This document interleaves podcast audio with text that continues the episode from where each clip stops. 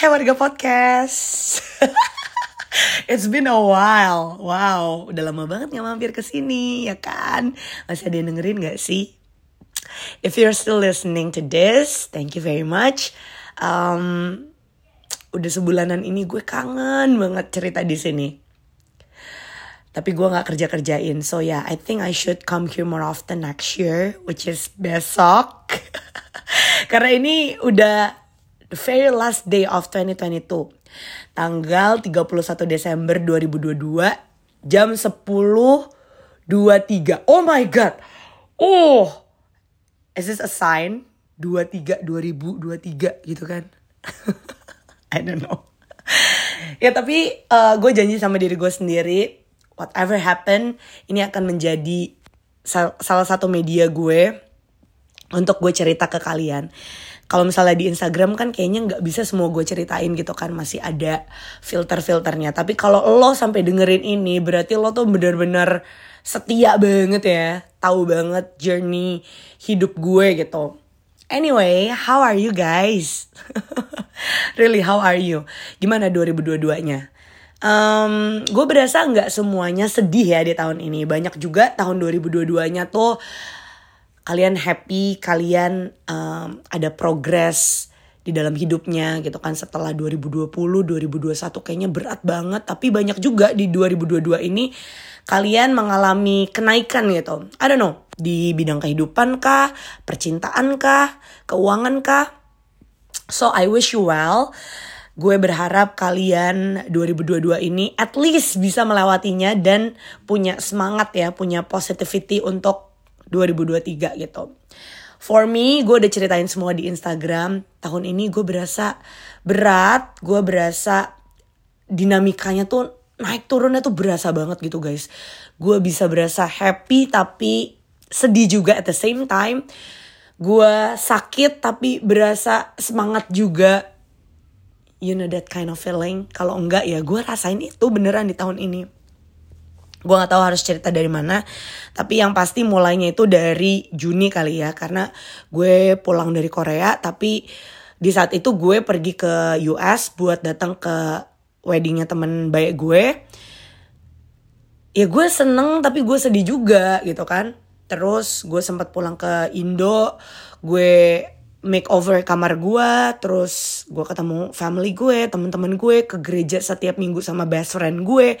Seneng banget gitu. Tapi at the same time gue juga sedih kan kayak enak loh main-main tuh selama tujuh bulan ya kan? Dan ini harus kerja lagi. Everything was new again. Tapi ya itu bisa gue lewatin gitu kan. Terus masuk ke bulan Agustus gue solo trip ke US bayangin gue ke LA gue ke Vegas. Bahkan gue bikin podcast di Ve di Ve dadah, di Vegas itu nggak sempet naik nih karena gue lupa ngirim kayak pencet satu step lagi. Padahal itu udah gue udah gue rekam semua tinggal di on airin gitu istilahnya. Tapi gue lupa pencet.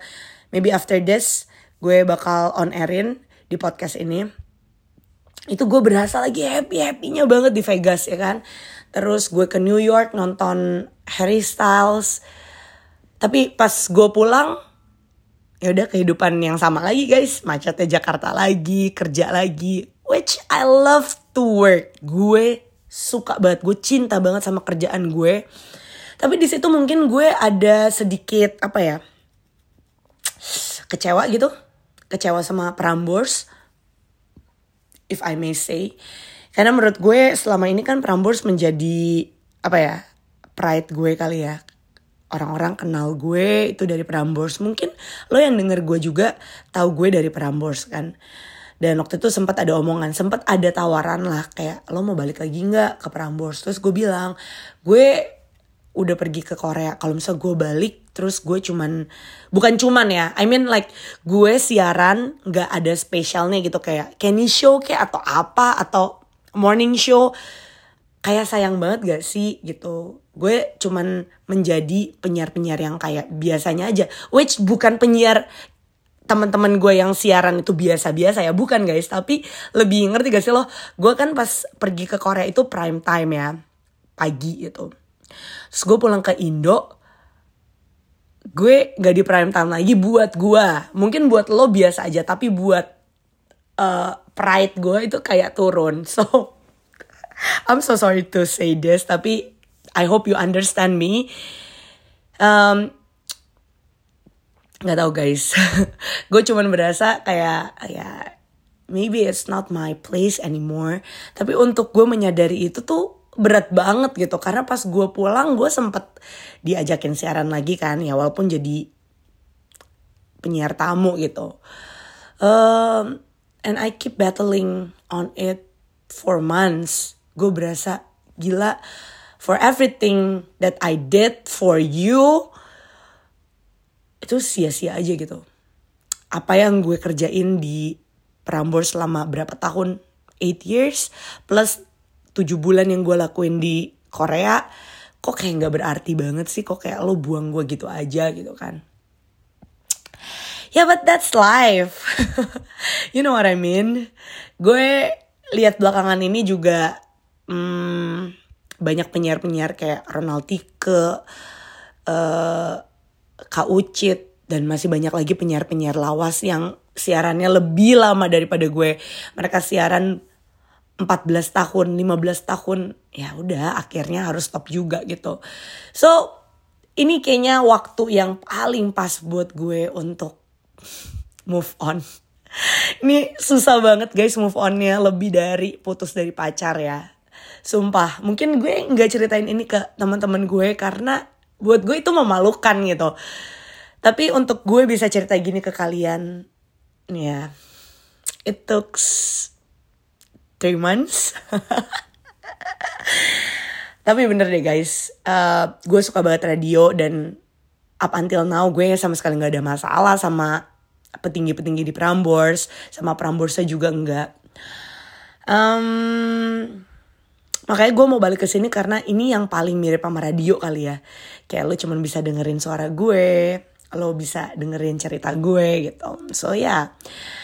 I hope you bear with me guys di sini. Dan bener deh, ini janji gue, gue pengen ceritain semuanya di sini.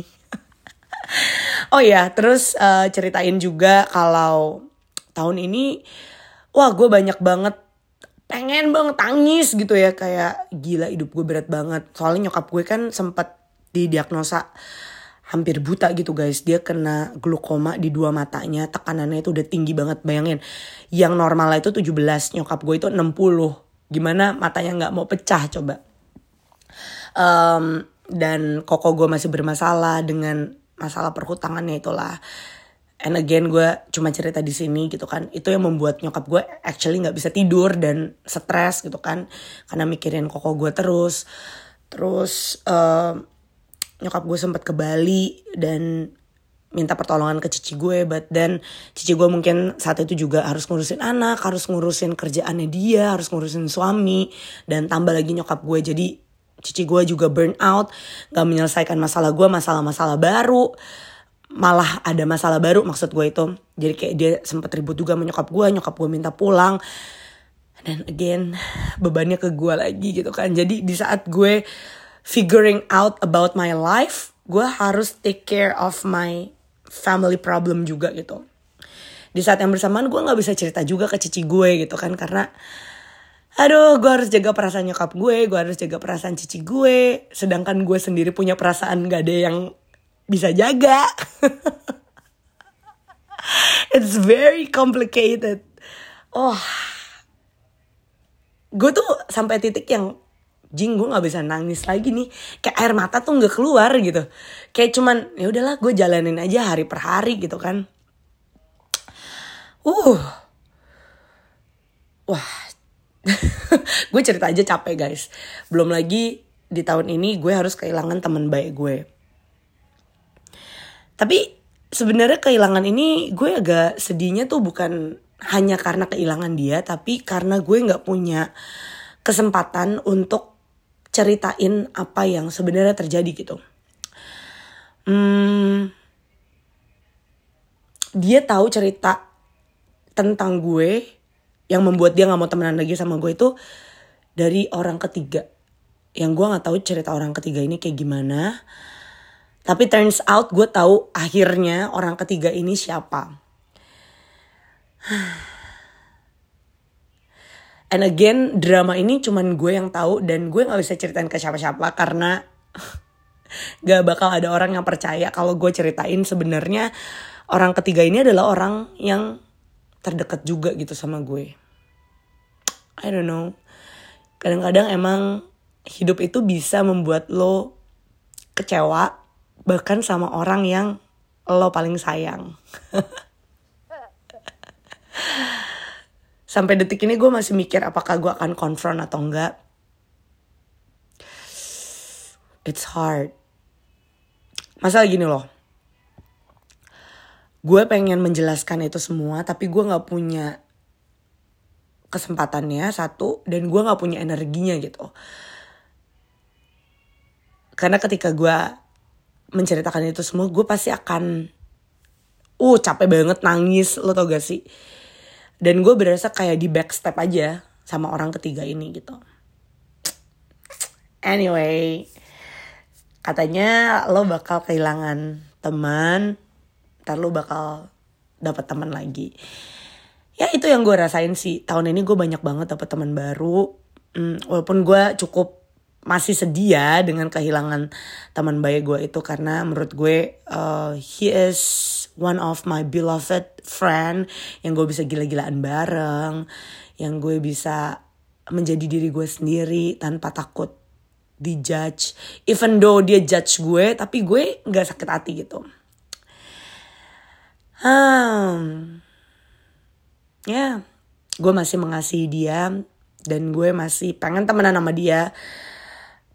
Let's see apakah 2023 bisa membalikan our friendship.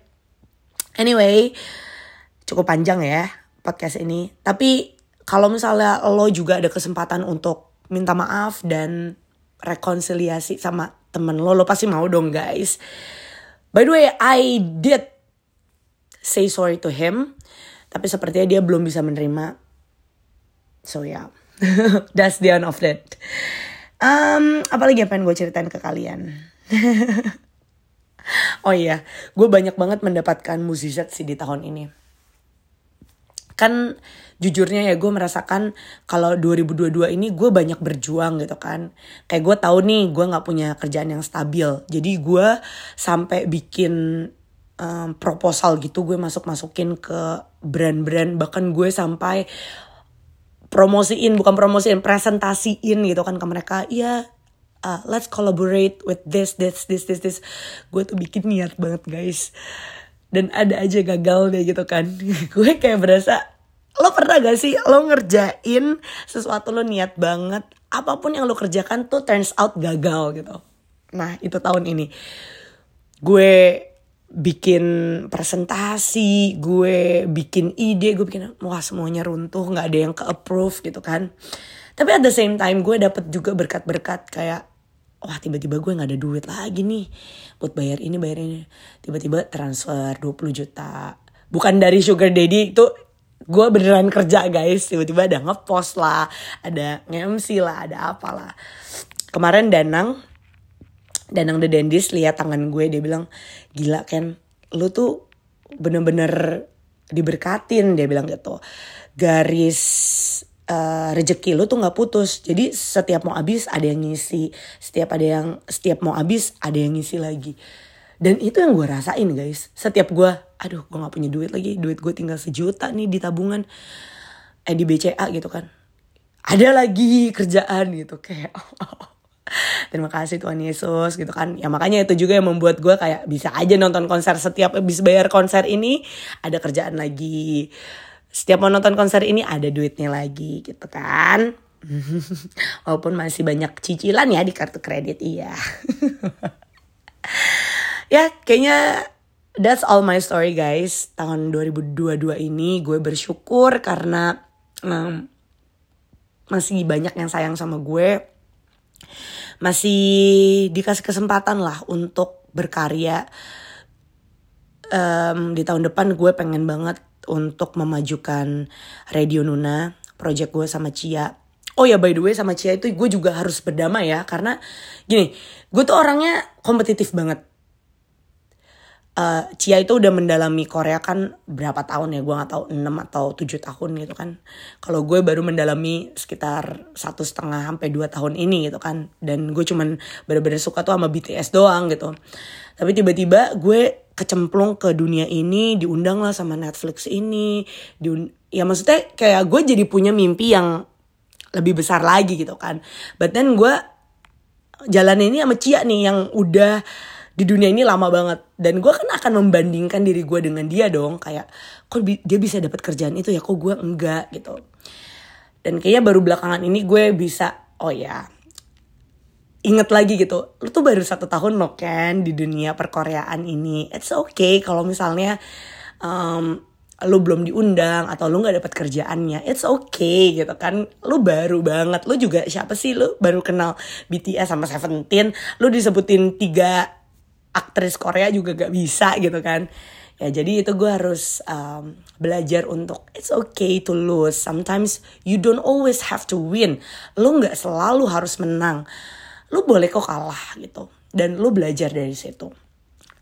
Again lu kehilangan temen gak apa-apa. Kadang-kadang itu bukan kesalahan lo atau itu mungkin kesalahan lo tapi lo selalu punya kesempatan untuk memperbaikinya gitu dan ketika lo nggak bisa nangis lagi di situ lo tahu lo udah dewasa guys. Dan lo cuman harus menjalani hidup aja gitu. Kadang-kadang tuh udah nggak punya kesempatan dan nggak punya tenaga untuk menitihkan air mata lo cuman udah deh gue jalanin aja gitu. So that's the end of this podcast. Um, semoga lo keep up with my 2022 dan semoga kita bisa berjalan lagi di 2023. Thank you so much guys.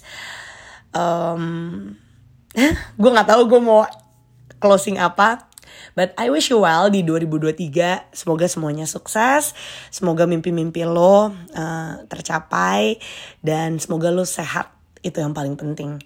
Karena sehat jasmani, sehat mental itu yang paling penting. Ya. Oke deh, Happy New Year.